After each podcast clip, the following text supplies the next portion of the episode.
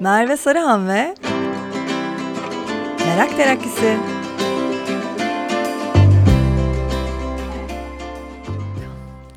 Merakın yükselişini kutladığımız podcast Merak Terakkisi'nden selamlar. Fugamundi sayesinde buradayız. Onların da selamı var. Bugün özellikle kültür sanat üretiminin peşine düşmüş, başkalarının üretim süreçlerini araştırıp kaydederken kendi de yorulmak bilmez bir şekilde üreten çok sevdiğim bir kadınla beraberiz. Esra Ece Kuleci, Aposto'da üretim kaydı yayınının yaratıcısı. Hem farklı yerlerde yazıyor hem de podcast kaydediyor. İki sezonda 40 tane falan yayını var.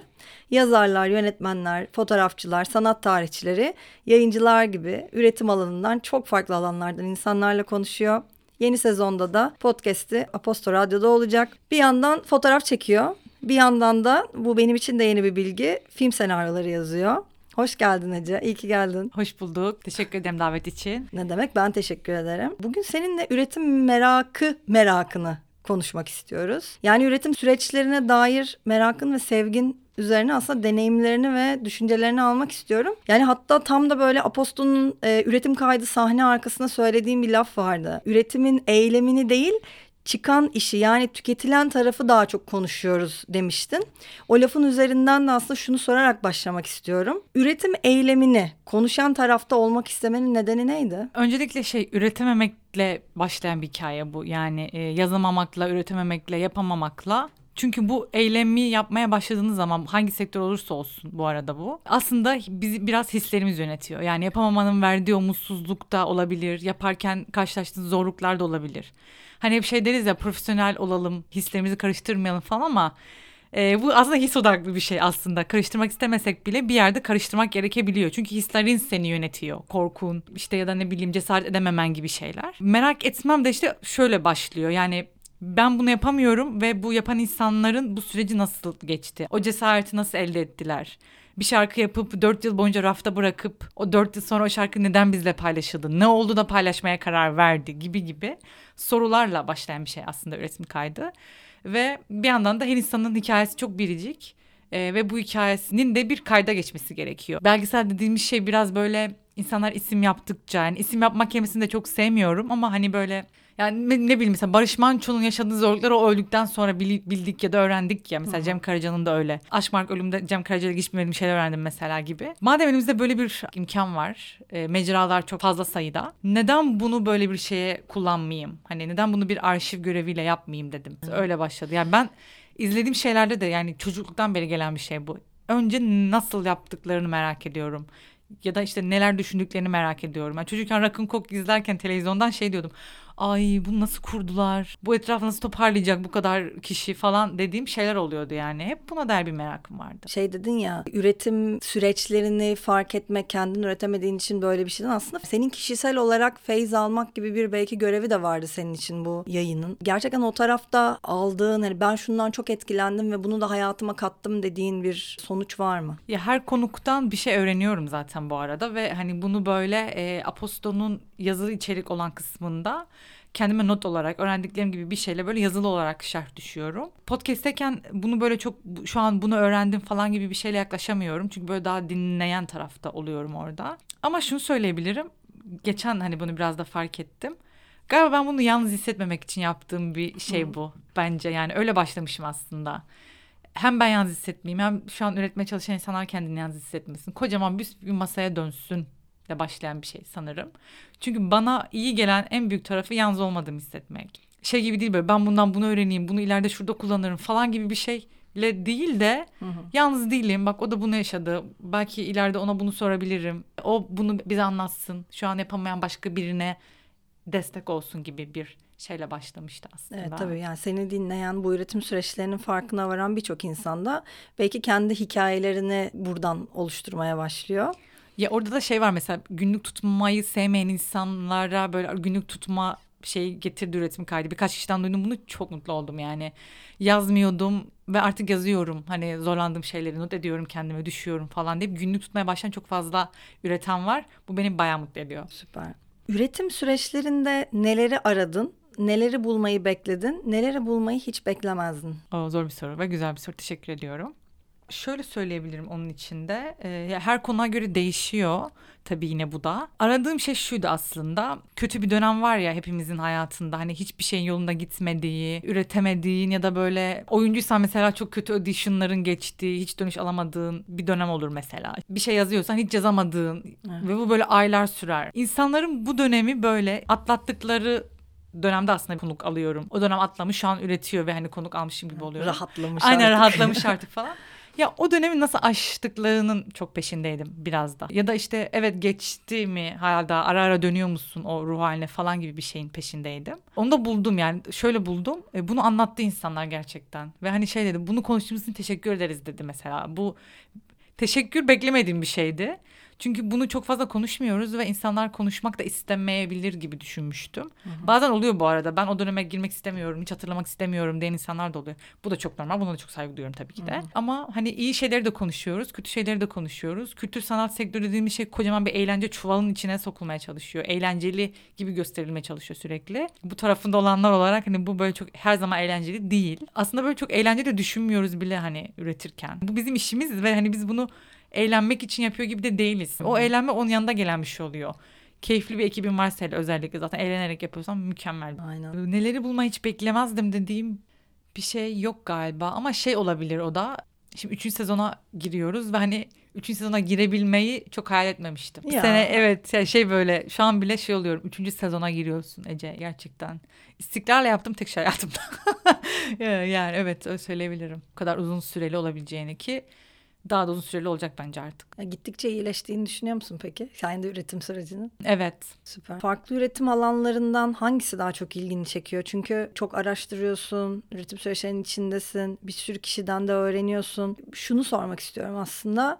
Sen farklı mediumlarda da üretim yapan birisin. Çünkü yazıyorsun da, podcast'ta yapıyorsun, işte senaryodan da bahsetmiştik. Bu böyle üretim yapan biri olarak bu yeni eklenen alanlara dair de bakış açın nedir? Yani her bir belki de yeni medium çıktığında oraya da e, ulaşmak istiyor musun? Orada bir kolaylaştırıcı yolun var mı? Farklı alanlarda üretim yapmanın senin için kolaylaştırıcı bir yolu var mı? Aslında soruyu toparlarsın. Güzel bir soru. Şöyle başlayayım, son sorudan başlayayım. Ee, şimdi ben Türk Dili Edebiyatı mezunuyum. Ve okumaya başladığım anda yazamamaya başladım. Yani baya böyle hani lisans bir başladın Doğru. ya yazamamaya başlıyorsun. Uzunca da bir süre gerçekten yazamadım. Mezun oldum yine yazamadım. Bunun içine her şey dahil burada. Hani küçük bir öykü, günlük bile yazamadığım dönemler oldu. Cümle toparlayamıyorsun. O anlamda podcast'la başlama sebebim bu. Yani video içeriği zaten hiçbir zaman yapmak istemedim. Çünkü videonun bir tık böyle etiket vuran bir yanı var. Bu benim de çok hoşuma gitmiyor.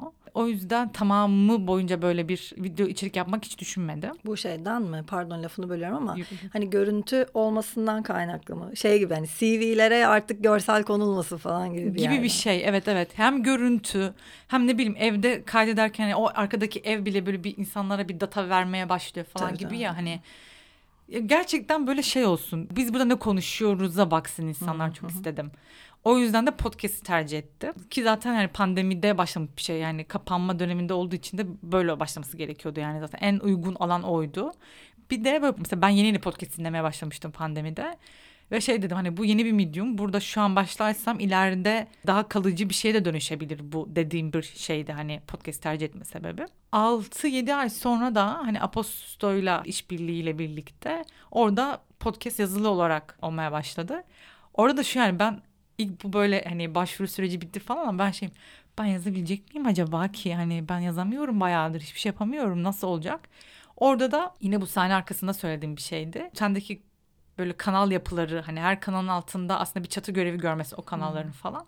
Benim kafa dağınıklığım o yazamama halime aşırı iyi geldi. Bahsetmek istediğim şeyleri o kanalların altlarına dağıtıp bir hikaye gibi onu böyle yazabildim ve okey tamam ben yazabilmeye başladım tekrar dediğim böyle bir kendime güvenim geldi bir dönemdi. Ama bu dediğim şey de 6. aydan sonra falan oldu. Heh, oluyor galiba falan hani demeye başlamam. O yüzden o iki medium'un da çok farklı bir şeyi var. Yani podcast'te çok rahat konuşabiliyorsun. Ben kendi konuklarıma daha dinleyen pozisyonda tutuyorum kendimi orada. Daha az konuşuyorum.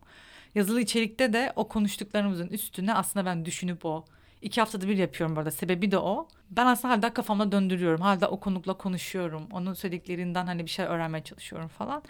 O bekleme sürecinden sonra çıkan çıktı da bendeki şeyi de aslında yazılı formatla karşısına çıkmış oluyor insanların. İkisi çok farklı.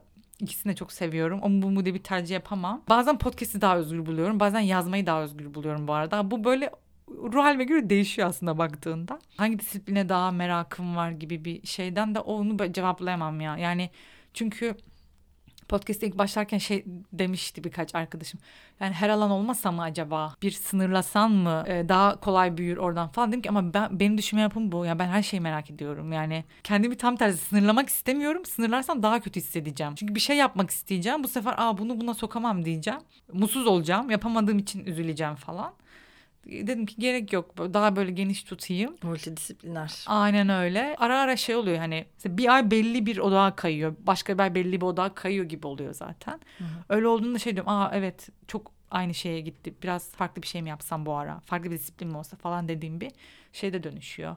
Ama böyle ilk iki sezon çok planlı programlı geçti diyemem ya. Daha böyle gerçekten his odaklı yaptığım bir şeydi. Cevap olmuştur umarım. Oldu oldu. Çok da güzel oldu. Ama böyle o kadar yazamıyordum edemiyordum dedin ki biraz şeye de girmek istiyorum yani. Ben çünkü geçenlerde senaryo yazdığını öğrendim. Ve hakikaten çok da heyecanlandım. Biraz oralardan bahsetmek ister misin? İsterim. Aslında o da yine yazamamakla ilgili bir şey yani. Yani yıllardır böyle rafta bekleyen bir sürü fikir var. Sadece böyle hikayenin ana çatısı çıkmış ama hani bir senaryolaştıramadığım bir sürü şey vardı. Yaza, yani yazamıyordum gerçekten. Fokuslanıp yazamıyorsun, düşünemiyorsun gibi. Şimdi işte yeni yeni yanına bir sürü yeni fikir eklendi vesaire. Şey, bunu çok söylemiyordum. Yeni öğrenmen de o yüzden normal bu arada bunu.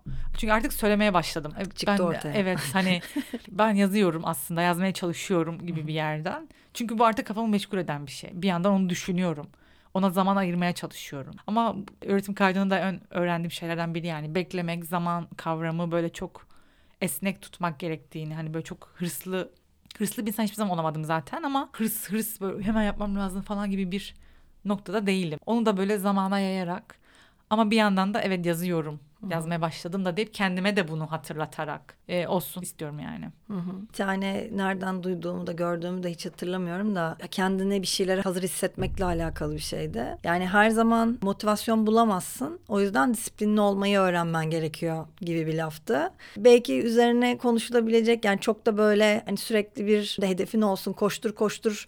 Yani seni bir şeylere koşturmak için de birilerinin kullanabileceği bir laf olduğunu kabul etmekle beraber hani benim kendi motivasyonumu da gerçekten bana iyi gelen bir laftı. Hani senin bu söylediğinden birazcık o geldi aklıma. Ya orada şey olabilir. E, güzel bir sözmüş bu arada bu. Başta söylediğim şeye döneceğim aslında. Hani hislerle çok hareket ediyoruz aslında farkında olmadan. Hı hı. Hani his bizi yönetiyor o an. O hissin çok yönetmesine izin vermemek için bazen disiplin gerekebiliyor. Buna ben de katılıyorum. Yani şey gibi ben her pazar akşamı buna zaman ayıracağım. Evet. iki ay, üç ay buna ayırdın. Dördüncü ayda işte arkadaşların pazar toplanıyor özlediğinde de gitmekten kendini alıkoymaman da gerekiyor. Hı hı. Tam dört aydır yaptım gidebilirim bu akşam gibi bir şeyler. O zaman kafan yanar. Çünkü işte yani evet, evet evet.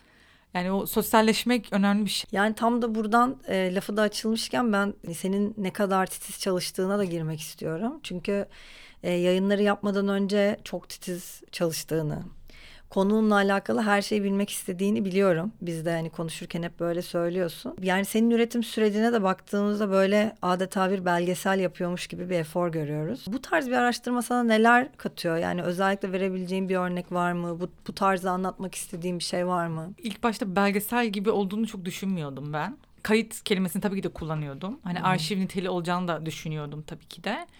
Ama harbiden bu araştırma sürecimin ve çıkan çıktığının bir belgesel gibi olduğunu anlamaya çalışmam. E, burada adını an- anmak istiyorum kesinlikle. Simge Pınar'ın kulisinde Can Oflaz'la tanışmıştım. Simge'nin bölümü dinlemiştim. İşte Simge tanıştırdığında Ece'yle biz podcast yapmıştık falan. Can dönüp şey demişti. Sen belgesel yapıyorsun farkındasın değil mi demişti. Ben böyleyim.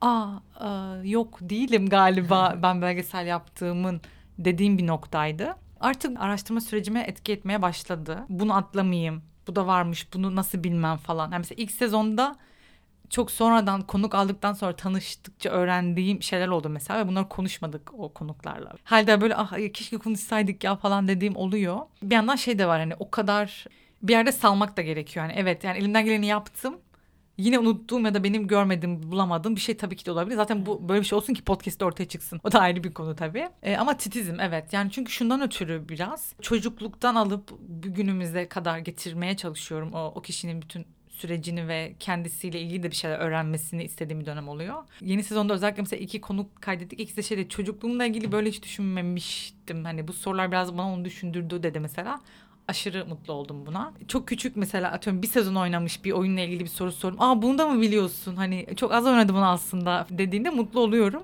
Çünkü o küçük küçük şeyler bu sürecin bir parçası. Mesela ya yazar konuklarda falan hani bütün kitaplarını okumadan konuk almak istemem aslında. Biliyor olmak isterim. Şu an ben elimden gelen her şeyi de yaptım biliyorum deme hissi de biraz bana iyi geliyor. Biraz çalışma pratiği de oturdurdum artık. Bir hafta ile bir ay arası değişiyor bir konu soru hazırlamam. Yani ama en az bir hafta diyebilirim. Bu şey dedin ya o çok değerli geliyor bana. Birinin bunu nereden buldun demesi gerçekten özellikle hani bu tarz yayınlarda bir karşındaki insanı ne kadar araştırdığına dair karşıdaki insanın da sana açılmasını ve o, o yayına dair kendini orada hissetmesini sağlıyor. Konudan belki uzaklaşacak ama en son Şokopop'un bir e, erotik şok diye bir hem yayını hem de sergisi vardı. Oraya gittiğimde orada bir video gösterildi ve videoda bir 70'lerdeki erotik filmlerden bahsediyor ama hiçbir kayıtta, hiçbir arşivde mesela gay bir çiftin e, o filmlerde oynadığından bahsedilmiyormuş. Filmleri izlerken fark ediyor ve bunu kendi yayınında gösteriyor ve al sana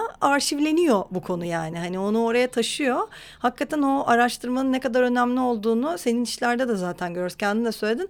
Şimdi onu en son böyle bir şey yaşayıp da orada çok büyülendiğim için aslında önemli bir şey olduğunu tekrar böyle bu örnekle de dile getirmek Bir şey daha ekleyebilirim mesela. Belki bu şu an düşündüm mesela fotoğraf çekmemle de belki ilgili olabilir bilemedim ama sosyal medya fotoğrafları da ciddi anlamda konuk alacağım kişinin hesabı açıksa zaten hani bakıyorum oradan da işte soru çıkarmaya çalışıyorum. Mesela hani nasıl bir nesne paylaşmış Mesela Simge Pınar'da mesela Patti Smith paylaşıyordu o kitaplarını. Ben de çok severim. Mesela Simge ile o anlamda çok böyle duygudaşlık kurup Patti Smith'in kitapları üzerinden çok güzel bir konuşma yapmıştık. Sosyal medyanın arşiv görevi gören fotoğraflarından besleniyor diyorum üretim kaydı içinde zaten. O da mesela önemli bir şey yani. Onlar sayesinde de soru hazırlayabiliyorum. Yani neyin nereden çıkacağı çok belli olmuyor. O yüzden böyle olabildiğince her şeye bakmaya çalışıyorum gerçekten.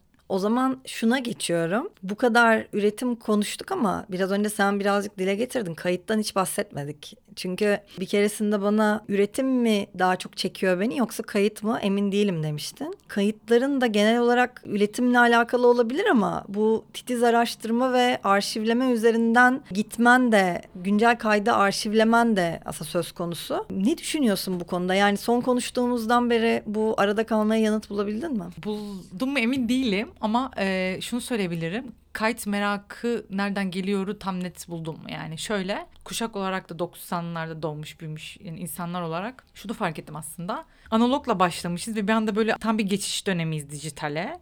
Ve bir yerden sonra o geçişten ötürü bir şeyleri aslında kaydetmiyoruz. Ya ben bunu biraz da pandemide fark etmiştim bir şey arıyorum böyle mesela bulmaya çalışıyorum. Aa ben bunları da izlemiştim falan filan. Gidip böyle eski biletten bulabiliyorsun onu mesela Hı-hı. saklamışsan.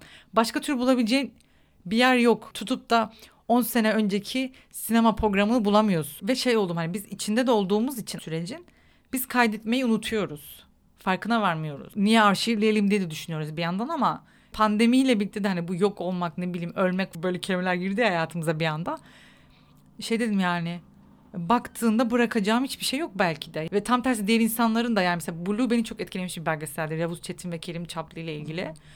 Ve şey demiştim hani o insanlara o dönemle ilgili sorabileceğimiz yani o dönem böyle bir belgesel yapılsaydı o insanlarla ilgili belki sorulsaydı anlatabilirler miydi acaba kendi süreçlerini, o ne yaşadıklarını.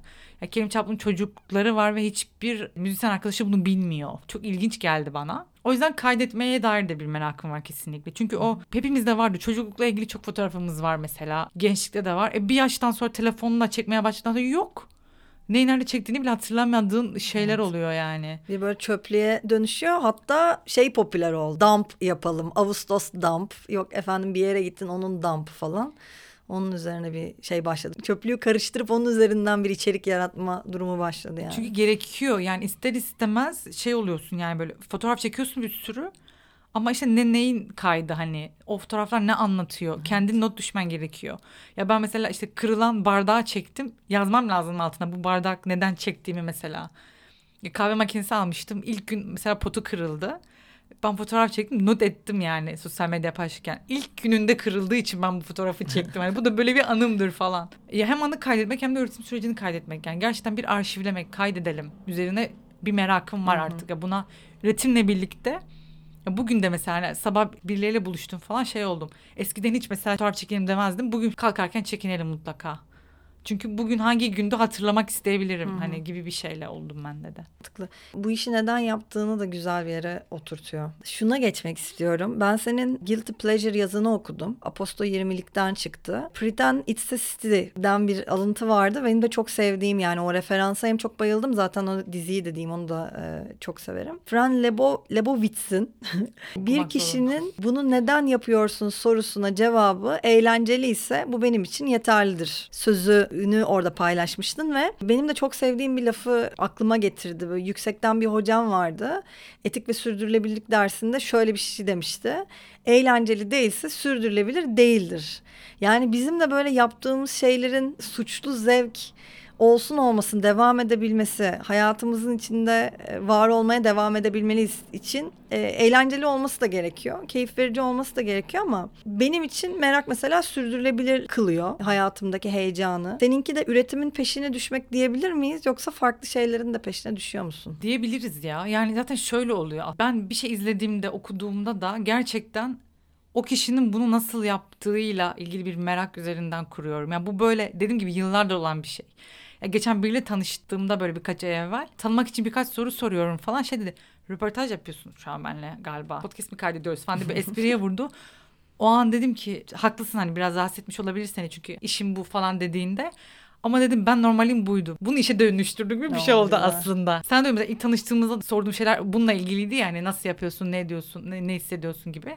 Bu yani ben insanlardan gerçekten bunu merak ediyorum. Bir şey tüketilecek şey gibi bize sunuluyor ama ben ondan da onu nasıl yapıldığıyla ilgili bağ kurmaya çalışıyorum. Yani ben mesela eleştirmen değilim. Eleştirmen de olamam mu- muhtemelen. Çünkü kötü bir şeye bile böyle hmm, hani falan yapıp böyle bir şey bulmaya çalışıyorum. Bunu buna zorlanmışlardır ya falan deyip. Suçlu zevkle ilgili de şey de söyleyebilirim. Üreten insanların kendi arasında olan bir şey var. Bir şey beğenmeden ama hani böyle iyi hissettirdiği için o kendine sadece eğlenceli de değil aslında iyi hissettiren şeyler de kötü bir şeye sahipse atıyorum. Aynı şeyde geçiyor. Frans söylüyor. Entelektüel seviyeyle alakalı. Onunla değerlendiriyoruz bu suçlu zevki. Ama öyle değil. O yüzden ben de bir suçlu zevkim var diyemiyorum. Çünkü hani zevk bir şeyden niye suçlu olayım yani? Ben bundan zevk alıyorum. Bunu düşünmekten hoşlanıyorum, mutlu oluyorum. Diyebiliriz yani. Sonra böyle cevap verebilirim. var. Senin yaptığın şeyin de suçlu bir zevk olmadığı ortada. Ama o yazı da çok güzel zaten. Kesin linkini de bırakırız. Onu da okumanızı tavsiye ederim. Son bir sorum var. Bunu her konuğuma da sormak istiyorum. Sen bu aralar neye yükseliyorsun? Neyi merak ediyorsun? Baya düşündüm bu soruyu yani bu arada ne olabilir falan diye. Çünkü ben de böyle o ara neye kafa yorduğumu çok kendimi gözlemleyen bir insan değilim aslında. Ama şunu fark ettim bunu cevap verebilmek için. Bu ara ne üzerine daha çok kitap satın aldım. Buna bakayım dedim. Tiyatro üzerine e, çok daha iyi. çok kitap aldığımı fark ettim. Hem tiyatro hem oyunculuk üzerine yani böyle oyuncuların kendi metotları, oyunculuk metotları üzerine falan. Bir de tiyatrodaki temsil biçimleri gibi şeyler üzerine baya böyle birkaç kitap satın almışım. Bu ara tiyatro diyebilirim o anlamda. Hem sahnelenme biçimleri çok değişti. Artık böyle daha sinemayla da hem de dijital dünya daha böyle dirsek temasında olan bir şeye dönüştü tiyatro. Hani eskiden daha böyle gerçekten performans üzerineyken şu an daha öyle bir şeyde evriliyor. Biraz bu ara onu merak ediyorum. Onun dışında değişiyor dönem dönem. Kütüphanem çok karman çormandır. Müzik de vardır, arkeoloji de vardır, sanat tarihi de vardır, her şey vardır. Dönemden bir şey takıyorum. Onunla ilgili bir, bir sürü kitap satın alıyorum. İki üç kitaptan sonra ona bir ara verip başka bir şeye başlıyorum falan. Ama hepsi duruyor kütüphanemde. Genel olarak yükselen biri oldun belli zaten. Değil mi? Aynen çok belli ediyorum onu. Süper. O zaman yani belki şimdi aklına gelmese de bir iki önerin olursa tiyatroyla alakalı onların da isim söylemek istersen şimdi söyleyebilirsin. Yoksa link de verebilirsin. Biz de dinleyicilerimize veririz o linkleri. Habitus kitabın kitapları diyebilirim yani. Aldıklarımın hepsi oradan çünkü. Hem böyle e, araştırma üzerine de var. Ya daha dün şeydeydim. Zengin Mutfağı'nı seyrettim. Ee, Nasıl bilet buldun? Vay. Biraz önce almıştım herhalde. Das Das'tan da şeyi aldım. Ee, yeni başlayanlar için Beckett. Yani yeni başlamadım ama o karikatür yapısı falan çok hoşuma gitti. Hatta böyle aklımdan şey geçiyordu. Ben hediye edeyim falan geçiyordu şu anda. Aa inanamıyorum. Onu almamıştım. Böyle. Aldım tek kitabı oydu. tamam o zaman benden Tamam okey çok tatlı. Şey var o tiyatro dijital medya diye bir kitap vardı. Onu önerebilirim. Yani yeni başladım. Bir de oyunculukta yöntemler diye bir kitap vardı. Kerem Karaboğa'nın bir çalışması. Tezini kitaplaştırmış hali yanlış hatırlamıyorsam. Ya bayağı çok kitap aldım oradan bu ay. O yüzden o seçkiye bakabilirler bence tiyatro üzerine. Bu güzel önerilerinden sonra senin eklemek istediğin bir şey var mı? Hmm, Yok. Yeni podcastlerin hayırlı olsun diyorum. Böyle teşekkür umarım uzun sezonlar dinlemeye devam ederiz. Çünkü insanların neyi merak ettiğini de ben merak etmeye başladım şu an. o yüzden güzel olacak benim için de dinlemek senin podcast serini. Geldiğin için çok teşekkür Ben teşekkür ediyorum. ediyorum. Ve dinleyen de herkese teşekkür ederiz. Kendinize iyi bakın, merakla kalın. Meraklı kalın. Merak terakisi